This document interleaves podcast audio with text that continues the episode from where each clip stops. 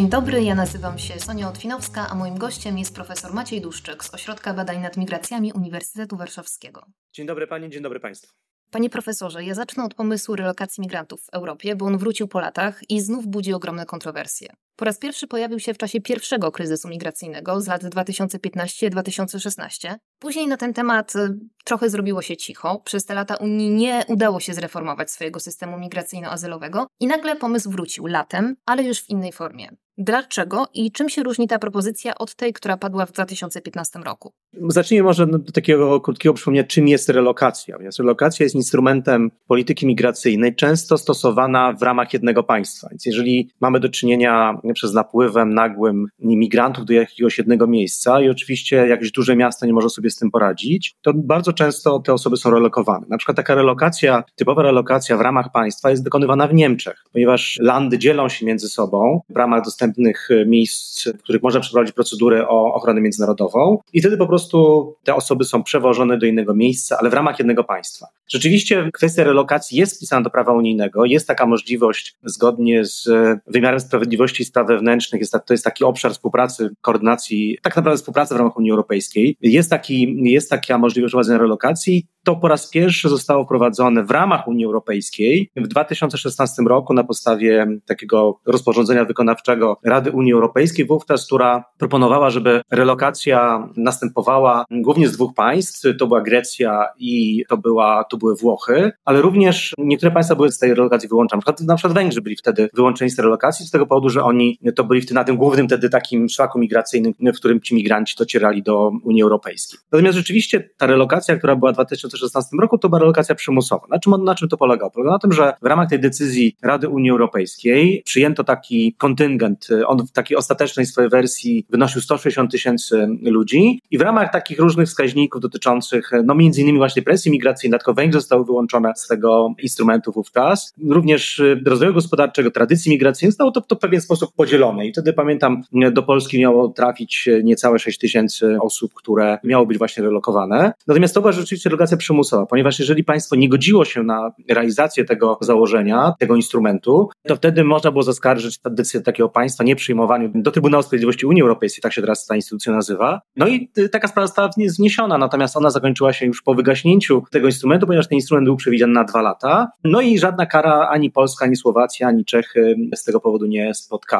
Natomiast rzeczywiście Polska tę sprawę w pewien sposób przegrała wówczas przed Trybunałem Sprawiedliwości. Natomiast on się zakończył porażką, niestety 20% osób tylko było relokowanych. Natomiast to, co mamy dzisiaj, to jest pewnego rodzaju wsłuchanie się w dyskusję, która miała wtedy miejsce, dlaczego państwa się opierały przeciwko tej relokacji, tej relokacji, która wówczas była proponowana. I teraz przymusowa relokacja zniknęła w ogóle z, jakby z możliwości prowadzenia w Unii Europejskiej. Pakt o migracji azylu, który tak naprawdę zawiera 13 aktów prawnych, my na razie dyskutujemy o dwóch i trzeci jest tak naprawdę w I teraz ten element relokacji to jest jedna z instrumentów, które państwo może wybrać po prostu. Znaczy, mamy trzy różne zasady, to jest relokacja, to jest pokrywanie kosztów prowadzenia procedury, uznanie ochrony międzynarodowej, o przyznanie ochrony międzynarodowej oraz tak zwane środki zaradcze, czyli wspieranie państw presją migracyjną w sposób bezpośredni, czyli przesyłając strażników, dostarczając sprzęt, no bardzo że tam są instrumenty, można sobie wymyślić. Tak to, co danym państwu potrzebuje w momencie wtedy pod tą presją migracyjną jest. Więc dzisiaj mamy rzeczywiście taki instrument relokacyjny, też mamy mieć kontyngenty, jakby pewnego rodzaju przyznanie, liczbę, bo inaczej tego się nie da zrobić. Na podstawie bardzo podobnych wskaźników niż wówczas, trochę tutaj ta presja migracyjna jest ważniejsza, natomiast to, to, to co jest istotne również w tym nowym pomyśle jest coś takiego jak instrumentalizacja migracji, no i tutaj akurat Polska jest ewidentnie beneficjentem takiego systemu, ponieważ mamy do czynienia z instrumentalizacją migracji głównie przez reżim Łukaszenki, ale również przez wspomagający go reżim Putina, więc w pewien sposób ten element solidarności, ten pakiet solidarności, który mamy do czynienia i którym jest jeden element, ta dobrowolna relokacja jest dzisiaj takim próbą wyjścia do przodu i też poradzenia sobie trochę z wyzwaniami, które związane są z tym swobodnym przepływem w ramach Unii Europejskiej. Więc jakby konkludując, ta relokacja, z którą dzisiaj mamy do czynienia, dobrowolna relokacja, ona zakłada rzeczywiście możliwość przeniesienia cudzoziemców, którzy będą ubiegali się o ochronę międzynarodową pomiędzy jednym a drugim państwem w ramach instrumentu proponowanego przez Radę Unii Europejskiej, bo Rada Unii Europejskiej zaakceptowała ten pomysł, teraz mamy do czynienia z negocjacjami z Parlamentem Europejskim, czyli mamy taki instrument, ale to jest instrument dobrowolny i zawsze państwo może wybrać dwa inne instrumenty, które będą dla niej bardziej korzystne w ramach tej właśnie solidarności z państwami, które są pod presją migracyjną. Ale może jeszcze, może jeszcze jedno zdanie. Pamiętajmy o tym, że Polska jest pod presją migracyjną i tak naprawdę myślę, że jeszcze przez wiele, wiele lat nic się nie zapowiada, że jakiś tam reżim Łukaszenki bardzo szybko upadnie, a więc pewnie my byśmy bardziej korzystali z tego instrumentu solidarności niż w pewien sposób do niego wkładali. Komisja Europejska faktycznie dużo mówi tutaj o solidarności, ale mówi też o przymusowej solidarności. No i rząd PiS tutaj odpowiada, no to jest oksymoron. W dodatku słychać też takie opinie, że te alternatywne środki solidarnościowe, czyli ta trzecia grupa, czyli na przykład właśnie zapewnienie personelu czy wsparcia technicznego, one w praktyce nie będą traktowane na równi z dwoma pozostałymi drogami wsparcia. No i w takim razie idąc tym tokiem rozumowania, 20 tysięcy euro za migranta, no to jest kara i w dodatku wysoka. To jest kara czy nie? Powiedziała Pani bardzo mocną tezę, jeśli chodzi o kwestie środków zaradczych. Otóż w projekcie rozporządzenia wprowadzającego ten jeden z elementów paktu migracji i azylu oraz w tym, co jest w piśmie, którym wysłała e, komisarz Viva Johansson do posła Biedronia, wyraźnie napisane jest, że wszystkie te trzy instrumenty są traktowane równoważnie. A więc są to równoważne instrumenty. A więc jeżeli na przykład państwo powie następujący sposób, ja nie chcę przyjąć migrantów, ale mogę dostarczyć w ramach tej kwoty na przykład samoloty, na przykład strażników granicznych itd., tak itd., tak to ja nie widzę podstaw, żeby Komisja Europejska to zakwestionowała. Oczywiście będzie decyzja Rady Unii Europejskiej, ale wydaje mi się, że tutaj też jest kwestia zbudowania w takim przypadku mniejszości blokującej i wielu różnych instrumentów, a więc tak naprawdę dzisiaj kwestia z jednej strony zmuszenia państwa członkowskiego, żeby przyjął migrantów na swoje terytorium, czy zapłacił karę, jest tak samo prawdopodobna, jak odrzucenie oferty państwa, które mówi o tym, mogę wysłać samoloty, mogę wysłać strażników granicznych, mogę wysłać łodzi itd., tak itd. Tak ja dzisiaj nie widzę zapisu, ani takiej logice podejmowania decyzji Unii Europejskiej mówiącej o tym, że relokacja jest jakoś inaczej traktowana, czy jakaś ta kara 20 tysięcy euro jest jakoś inaczej traktowana. Natomiast jeżeli chodzi o 20 tysięcy euro, to jest kwota, która została wyliczona na przeprowadzenie procedury. Po prostu to kosztuje. Pamiętajmy o tym, że my nie będziemy mieli do czynienia z relokacją osób z uznanym statusem, tylko będziemy mieli najbardziej prawdopodobny scenariusz, to jest taki, że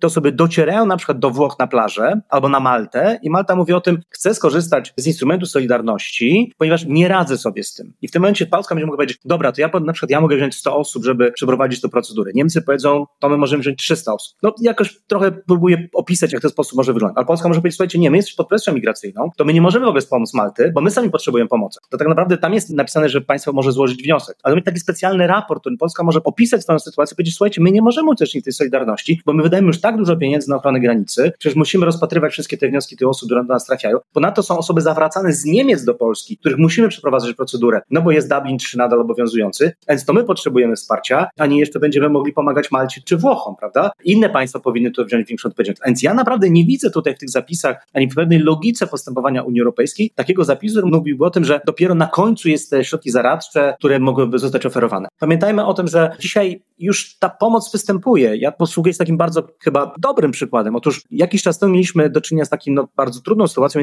mianowicie polski samolot Straży Granicznej został przejęty przez rosyjski myśliwiec niedaleko Rumunii. Co to było? To właśnie dokładnie. Polska Straż Graniczna, pomagając strzec granicy rumuńskiej, wysłała polski samolot Straży Granicznej, która poniosła z tego powodu koszty. To jest w ramach operacji Frontexu, a więc po prostu no, my użyczyliśmy tej pomocy i piloci i tak dalej, i tak dalej. A więc pewien kwot już, kwota już jest. Teraz wyobraźmy sobie następującą rzecz. Ile kosztuje wysłanie samolotu, ile kosztuje paliwo do niego i czas pracy pilotów? A więc wydaje mi się, że to spokojnie już kilkutygodniowy pobyt takiego samolotu na granicy przy tych kwotach, które dzisiaj są, załatwiłby nam jakokolwiek kwestię nawet tych 20 tysięcy euro za osobę. Ale pamiętajmy, 20 tysięcy euro to nie jest kara, tylko jest to wyliczony koszt przeprowadzenia procedury ochrony międzynarodowej w danym państwie. I teraz, jeżeli ta procedura zakończy się pozytywnie, to osoba zostaje w Unii Europejskiej ze statusem bardzo różnym, albo ma status y, uchodźcy, albo status innej form ochrony międzynarodowej. I ta osoba zostaje, ale tak naprawdę w tej kwestii jakby nowego paktu na migracji, ona będzie w pewien sposób mogła trochę sobie wybrać, gdzie będzie mieszkała. Więc my odpowiadamy za procedurę. A czy ta osoba będzie mieszkała w Polsce? Niekoniecznie, bo jeżeli to będzie obywatel państwa, który na przykład w Polsce nie ma mniejszości, nie ma w ogóle żadnej sieci migracji, pewnie będzie chciała wyjechać do innego państwa, to po dla niej to będzie dużo bardziej sensowne. Dlatego państwa, które przyjmie, też będzie bardziej sensowne, żeby to było. Jeszcze może jeden przykład. Jeżeli na przykład będzie Ukrainiec, tak, jeżeli skończy się już dyrektywa ochrony tymczasowej, że to będzie Ukrainiec, który na przykład taką procedurę będzie przychodził na przykład na Malcie właśnie, tak, albo na przykład, nie wiem, we Francji. I wtedy on, kiedy uzyska tą ochronę międzynarodową, będzie powiedział, słuchajcie, ale ja chcę mieszkać w Polsce, bo tam mieszka moja rodzina. Wtedy po prostu przyjedzie do Polski po uznanej procedurze. A na przykład obywatel Senegalu pojedzie do Francji, no bo tam jest najczęściej mniejszość senegalska, a nie w Polsce. A więc tutaj opisujemy pewnego rodzaju jednak schemat, w jaki sposób to pewnie będzie działało w przyszłości, ale my cały czas próbujemy się skupiać na tej relokacji, która tak naprawdę jest dzisiaj elementem dla mnie bardzo, bardzo mało istotnym z punktu widzenia całego systemu, który powstaje, po to, żeby Unia Europejska jako całość ochroniła się przed takimi prowokacjami, jakie mamy do czynienia na przykład dzisiaj z reżimem Łukaszenki, ale co najważniejsze, uratowała Schengen. Jeżeli nie będzie zaufania, jeżeli będziemy mieli niestrzeżone granice, będą ciągle te osoby przechodziły przez granice, docierały do innych państw, to niestety możemy spodziewać się, że takie wnioski, jak dzisiaj przez niektóre landy niemieckie zgłaszane, zakończą się pozytywnie. Państwa prowadzą kontrolę na granicy i wtedy mamy koniec Schengen. A pamiętajmy, że z Schengen Polska bardzo, bardzo korzysta również ekonomicznie i dla nas to byłaby po prostu bardzo zła informacja. To, co w Polsce raczej też nie wybrzmiewa, to krytyka organizacji międzynarodowych, które pozarządowych głównie, które wskazują, że te przepisy to de facto zaostrzenie prawa migracyjnego azylowego. Wskazują na wiele kwestii, innymi na to, że migranci mieliby być odsyłani do bezpiecznych państw trzecich, które wcale nie są bezpieczne. Czy to jest krytyka uzasadniona? Ja nie wiem do końca, o jaką krytykę w tym momencie chodzi, tak? Ponieważ może powiem następujący sposób. Otóż Unia Europejska, ale nie tylko Unia Europejska, praktycznie wszystkie państwa, które przez wiele, wiele lat po II wojnie światowej traktowały migrantów ekonomicznych jako takich migrantów, którzy przyjeżdżają na bardzo krótki okres, a później wrócą do siebie, co oczywiście się nie sprawdziło, bo nie, miało, nie mogło się sprawdzić, ale z drugiej strony mieliśmy też bardzo mocno rozbudowane prawa oparte na prawach człowieka i na takiej pomocy humanitarnej. Otóż konwencja genewska z 1951 roku to jest trochę nauczka po II wojnie światowej, prawda? Prawda? Wtedy budowano bardzo silny system oparty na prawach człowieka, właśnie na tym, że ktoś, kto jest prześladowany w jednym państwie, którego życie jest zagrożone, którego nie może wyznawać swojej religii itd., tak itd., tak może ubiegać się w innym państwie demokratycznym, wolnorynkowym o uznanie jego prawa do ochrony międzynarodowej i pozostania w tym państwie. Tak budowaliśmy przez bardzo, bardzo długi czas nasze prawo, ale przyszedł rok 2015-16.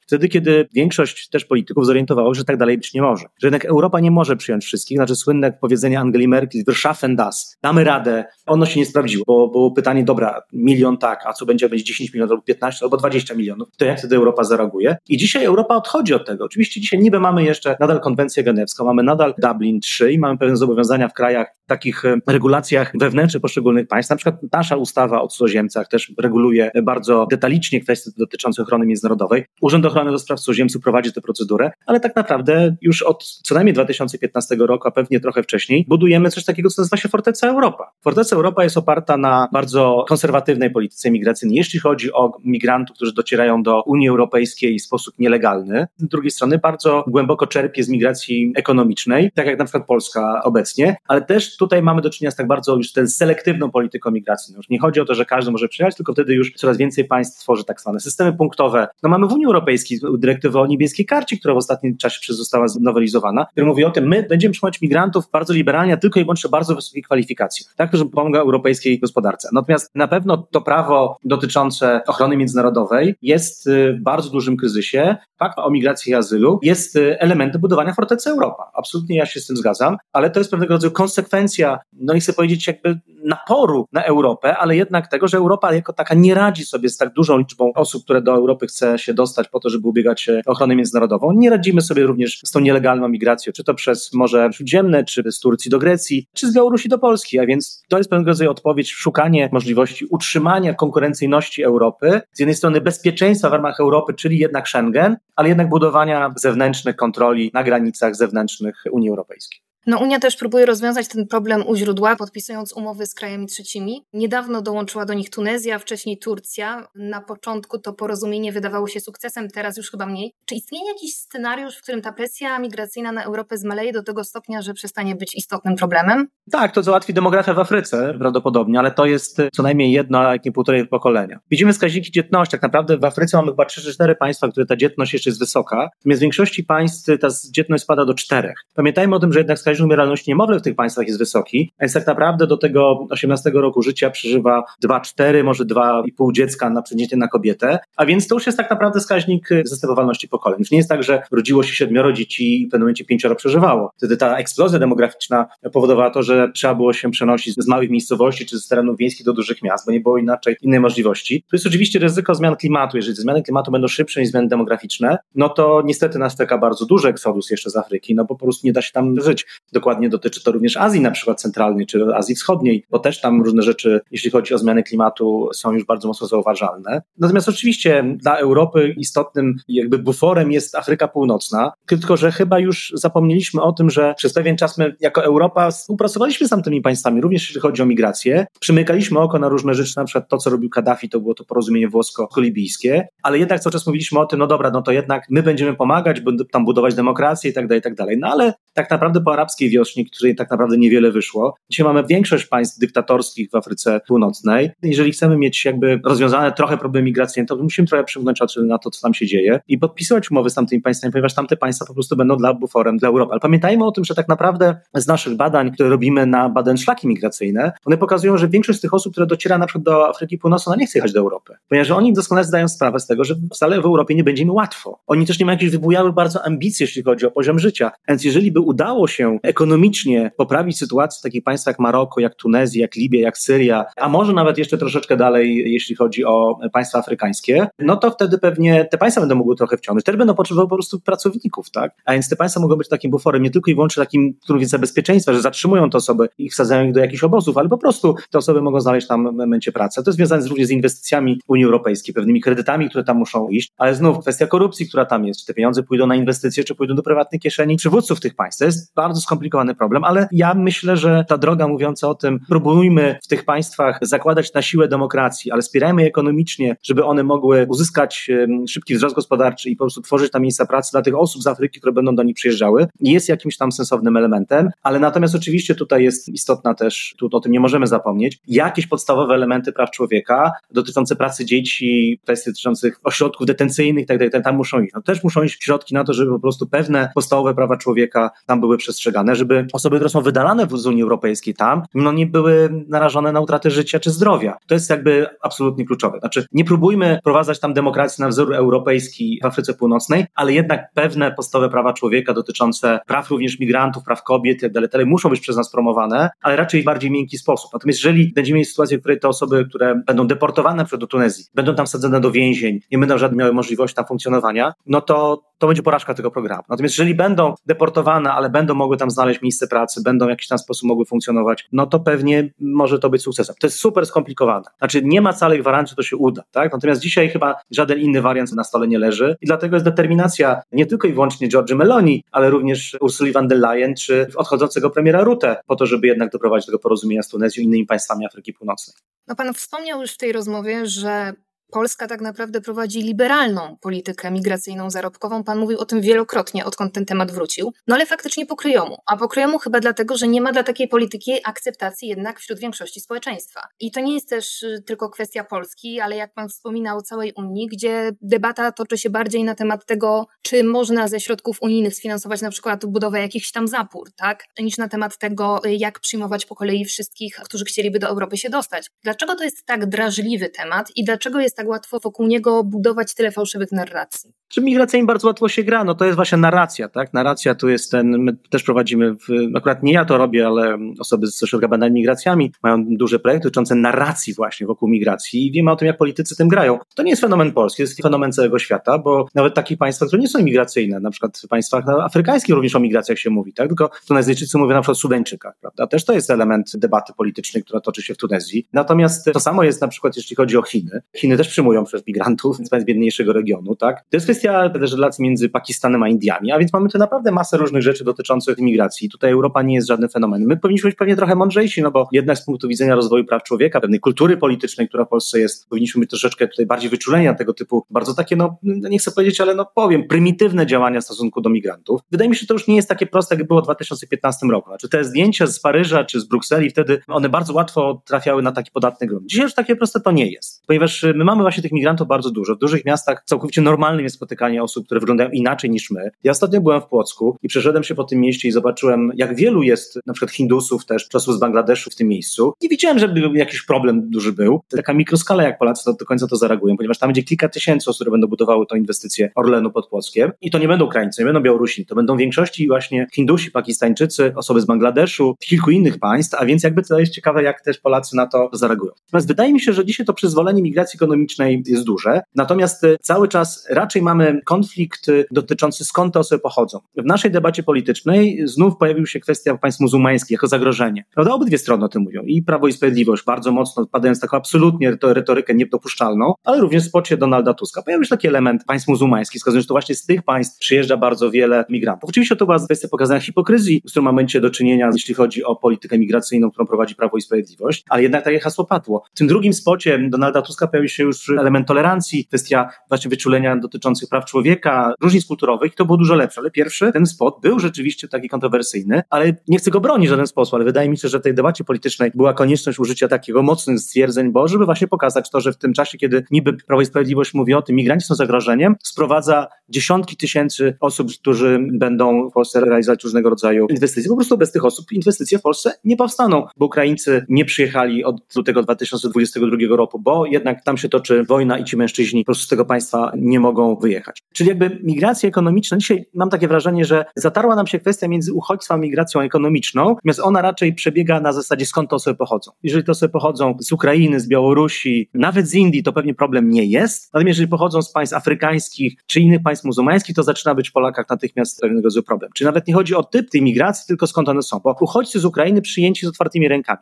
Uchodźcy z Syrii nie, prawda? A więc uchodźca i uchodźca. Oni się tak naprawdę niczym nie różnią. Ale kwestia pochodzenia tu jest bardzo istotna. I z migrantami ekonomicznymi tak samo. Migrant ekonomiczny z Ukrainy, z Indii, okej, okay, ale z Bangladeszu, czy z Zimbabwe, czy z Nigerii, czy z Pakistanu już nie, prawda? A więc jakby nawet ten status tu jest pewnie, na jakie podstawie to sobie wjeżdżają do Polski, jest mniej istotny, a skąd przyjeżdżają, z jakiej kultury przyjeżdżają, to jest coraz bardziej istotne. I wydaje mi się, że tutaj Polska trochę odzwierciedla tą dyskusję, która się toczy w innych państwach, które przechodziły tą drogą wcześniej, bo taki element też tam występuje. Natomiast ta selekcja tu jest, weszła szła na, tak naprawdę do takiego języka codziennego, które stosujemy. Natomiast rzeczywiście, jeżeli patrzymy sobie na takie twarde dane, no to jeśli chodzi o wydane zezwolenia na pracę, wydane tak zwane pierwsze pozwolenia na pobyt, no to Polska jest ewidentnie liderem w Unii Europejskiej. To od kilku lat. To nie jest tak, że to jest wczoraj się wydarzyło, tak? Oczywiście wcześniej to byli głównie Ukraińcy, Białorusini, dzisiaj mamy tak naprawdę przedstawicieli 147 bodajże państw, którzy w Polsce prawa do pobytu uzyskują i rośnie bardzo szybko ta liczba praw pobytu dla obywateli z państw, które dla nas jakoś tam do tej pory były egzotyczne.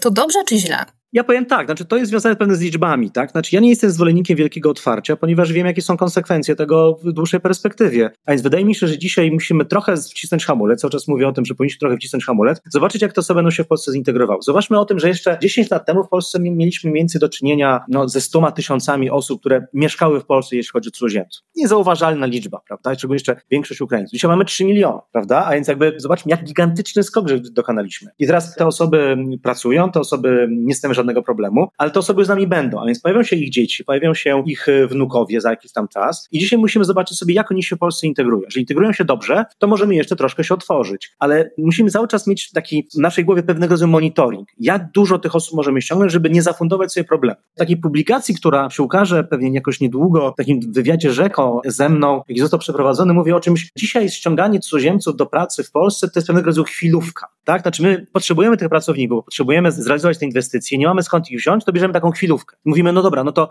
ściągnijmy ileś tam osób, tak jak ludzie w bardzo poważnych tarapatach finansowych biorą chwilówkę, mówiąc o tym, jakoś to będzie, my robimy dokładnie tak samo. Bierzemy taką chwilówkę i mówimy, dobra, jakoś to będzie. Natomiast chwilówka ma swoje ryzyka. Pierwsze ma bardzo wysokie oprocentowanie, ponadto jest napędzającym się elementem. Później bierzemy kolejną chwilówkę, żeby spłacić tą poprzednią chwilówkę i tak dalej, i tak dalej. A więc to jest ryzykowne. Ja uważam, że powinniśmy raczej wziąć taki normalny kredyt, który będziemy w stanie spłacać, który wniesie dużo mniej ryzyk niż chwilówka. Czy zrealizujemy wszystkie inwestycje bez tej chwilówki? Może nie, ale jednak koszty przyszłości moim zdaniem będą wyższe niż te zyski, które byśmy dzisiaj krótkookresowo sobie zaprogramowali. A więc na pewno potrzebujemy pracowników zagranicy, ale musimy robić to rozsądnie i odpowiedzialnie, jeśli chodzi o ich liczbę. Może czasami lepiej wstrzymać inwestycje o rok, za, o dwa, żeby nie być postawiony przed koniecznością ściągania pracowników z innych państw, ponieważ wtedy mamy no, bardzo dobrze opisane również w teorii gospodarczej takie zjawisko prywatyzacji zysków, i upublicznienia kosztów, prawda? No bo jednak to jest kwestia dotycząca przygotowania szpitali, wszystkich polityk publicznych na obecność tych osób z państw dla nas egzotycznych, bez, yy, można powiedzieć, no dobra, ale podatki będą. Nie, podatki nie pokrywają tych kosztów najczęściej związanych z tego typu napływem. W tym pierwszym okresie to pewnie nie jest duże wyzwanie, ale pamiętajmy o tym później, te osoby z nami zostaną najczęściej, bo takie jest doświadczenie innych państw, więc i dzieci pójdą do szkoły, to może będzie dobrze, ale jednak kwestia asystentów wielokulturowych, to są pewnego rodzaju koszty, które musimy ponieść i musimy się do tego po prostu przygotować. A więc co do zasady, ale odpowiedzialnie i rozsądnie, jeśli chodzi o liczby, żebyśmy nie wylali dziecka z kąpielą. Pan wspominał tutaj o różnych obrazkach. One najczęściej pochodzą z Francji, gdzie największym problemem jest imigracja już drugiego, trzeciego pokolenia. Czy chęć porównywania się do tego kraju jest w ogóle jakkolwiek uzasadniona? Obecnie w Polsce nie. Obojętnie co? Absolutnie nie. Natomiast oczywiście te obrazki są istotne z punktu widzenia przyszłości. Ponieważ co się dzieje? Jeżeli dzisiaj, ja używam tej dyskusji ze studentami, czasami również w mediach, mówimy na ten temat, ponieważ jakby pamiętajmy o tym, że to jest drugie lub trzecie pokolenie osób, które przyjechały kiedyś. W pierwszym pokoleniu imigranci nie stanowią żadnego ryzyka tak naprawdę. Nie stanowią żadnego wyzwania. Oczywiście, powiem tak, znaczy stanowią pewnego wyzwania, jeżeli wrócimy tylko Płocka, no to szpital w Płocku musi być przygotowany, że za chwilę będzie miał również pacjentów z Indii, z Pakistanu, z Bangladeszu, z innych miejsc. Więc musi mieć przygotowanych lekarzy, którzy będą mieli umiejętności rozpoznawania chorób, które są typowe dla tego typu nacji, prawda? A więc jest to pewnego rodzaju wyzwanie. Ale z punktu widzenia tego, takiego, tego, co dzieje się we Francji, no to jednak to są tak zwane odłożone konsekwencje ściągania, otwarcia na rynek pracy pracowników. Ale pamiętajmy o tym, że Francja to jeszcze bardzo specyficzna sytuacja, ponieważ państwo, które musiało ściągnąć na przykład z Algierii bardzo wielu Algierczyków, ponieważ przegrało wojnę w Algierii, tak? I w momencie te osoby były po prostu wtedy posadzone do więzień i Francja użyczyła im pomocy, ponieważ walczyli po stronie francuskiej. W wielu innych miejscach tak było, tak? Znaczy pewne kolonie francuskie, które były, oni ściągali z kolonii, kiedy tamte państwa odzyskiwały niepodległość, e, ściągały osoby z kolonii do, Francji. Tak samo było na przykład, jeśli chodzi o Holandię i z Jawą. Tak było z Wielką Brytanią i Pakistanem i Indiami na przykład. Tak było na przykład, jeśli chodzi o Belgię i Kongo, a więc kilka takich sytuacji mieliśmy do czynienia, prawda? I te osoby przyjechały, tylko że zostały zapomniane brak polityki integracyjnej powodował to, że te dzieciaki gdzieś tam trafiły do, na różne rodzaje przedmieścia, chodziły do gorszych szkół, nie poszły na studia i no, wylewają swoją frustrację, albo jeszcze ich wnukowie, tych, którzy przyjechali w latach 60. czy 70., i wnukowie wylewają swoją frustrację na ulicach, nie godząc się z tym, że będąc Francuzami, Belgami czy Szwedami, akurat Szwecja trochę inny przykład, nie są tak samo traktowani jak ci, którzy powiedzmy są rdzennymi Belgami, tak, czy rdzennymi Francuzami. E, to już kończąc w takim razie, podsumujmy, co będzie dla nas największym wyzwaniem migracyjnym na te najbliższe lata? Czy to jest bardziej integracja tych migrantów zarobkowych z krajów e, nieco kulturowo obcych, czy na przykład fakt wygaśnięcia tej ochrony tymczasowej dla Ukraińców? Moim zdaniem trzy kwestie. Po pierwsze, to jest cały czas odpowiedź na kwestię granicy polsko-białoruskiej. Tam nie wiemy, co się do końca wydarzy, jakie są scenariusze kręcone w Moskwie i w Mińsku. Musimy tam cały czas obserwować tą sytuację. I mur oczywiście jakoś tam trochę pomaga, ale nie załatwia kompletnie sprawy i budowanie całej naszej strategii ochrony bezpieczeństwa na murze jest absolutnie pozbawione racjonalnych przesłanek, że nam po prostu to jest wystarczające. To jest jeden rzecz, czyli granica polsko-białoruska i stworzenie pewnej strategii kompleksowej, która by pomagała rozwiązać problem na granicy polsko-białoruskiej. Pamiętajmy, że to jest granica Schengen. To jest interesie nie tylko i wyłącznie Polski, ale całej Unii Europejskiej, żeby ten problem lepiej rozwiązać tak, jak jest rozwiązywany obecnie. Druga kwestia to jest stworzenie pewnej polityki migracyjnej, która będzie odpowiedzialna, tak? a więc próba znalezienia kompromisu między interesami pracodawców, którzy będą chcieli ściągać imigrantów, ale również interesem państwa, ile państwo może ich włączyć, jak państwo jest przygotowane na ich obecność w polskim społeczeństwie. I to dotyczy pewnie również i Ukraińców, tak? no bo Ukraińcy pewnie dostaną te prawa, którzy będą chcieli, ci, którzy mieli prawa do ochrony tymczasowej, pewnie na początku następnego roku to, to wygaśnie, dostaną pobyty tymczasowe, po pięciu latach dostaną po prostu status rezydenta długoterminowego Unii Europejskiej. To pewnie będzie jakoś tam trochę łatwiej przechodziło, ale pewnie na początku dziś pewne problemy będą. To jest kwestia dzieci oczywiście ukraińskich, polskich szkołach, bo problem kompletnie niezałatwiony, tak? który wymaga bardzo szybkiego już dzisiaj rozstrzygnięcia. Mam nadzieję, że po wyborach ktoś wreszcie sensownie pomyśli, w jaki sposób stworzyć strategię dla dzieci ukraińskich, które są w Polsce. Trzecia kwestia, która jest absolutnie kluczowa, to jest właśnie pomyślenie o długofalowej polityce integracyjnej. Uniknąć pewnych wyzwań, z którymi nie poradziły sobie wiele, wiele państw Europy Zachodniej, szczególnie te, które ściągały imigrantów ekonomicznych w przyszłości. My musimy się uczyć na ich trochę błędach, tak? A więc polityka integracyjna, przygotowanie państwa pod państwem migracyjnym. Nie zaklinanie rzeczywistości, że nie jesteśmy państwem imigracyjnym, a więc nie potrzebujemy integracji, potrzebujemy. Jesteśmy państwem imigracyjnym, to trzeba jasno sobie powiedzieć, a więc musimy natychmiast stworzyć podstawę dla polityki integracyjnej. Jeżeli te trzy kwestie ogarniemy, jeżeli te trzy kwestie uda nam się znaleźć odpowiednie działania polityczne, które zmniejszą ryzyka, które w tych wszystkich trzech aspektach, tych wszystkich trzech obszarach występują, będzie dobrze. Profesor Maciej Dłuszczyk, Ośrodek Badań nad Migracjami Uniwersytetu Warszawskiego. Dziękuję bardzo.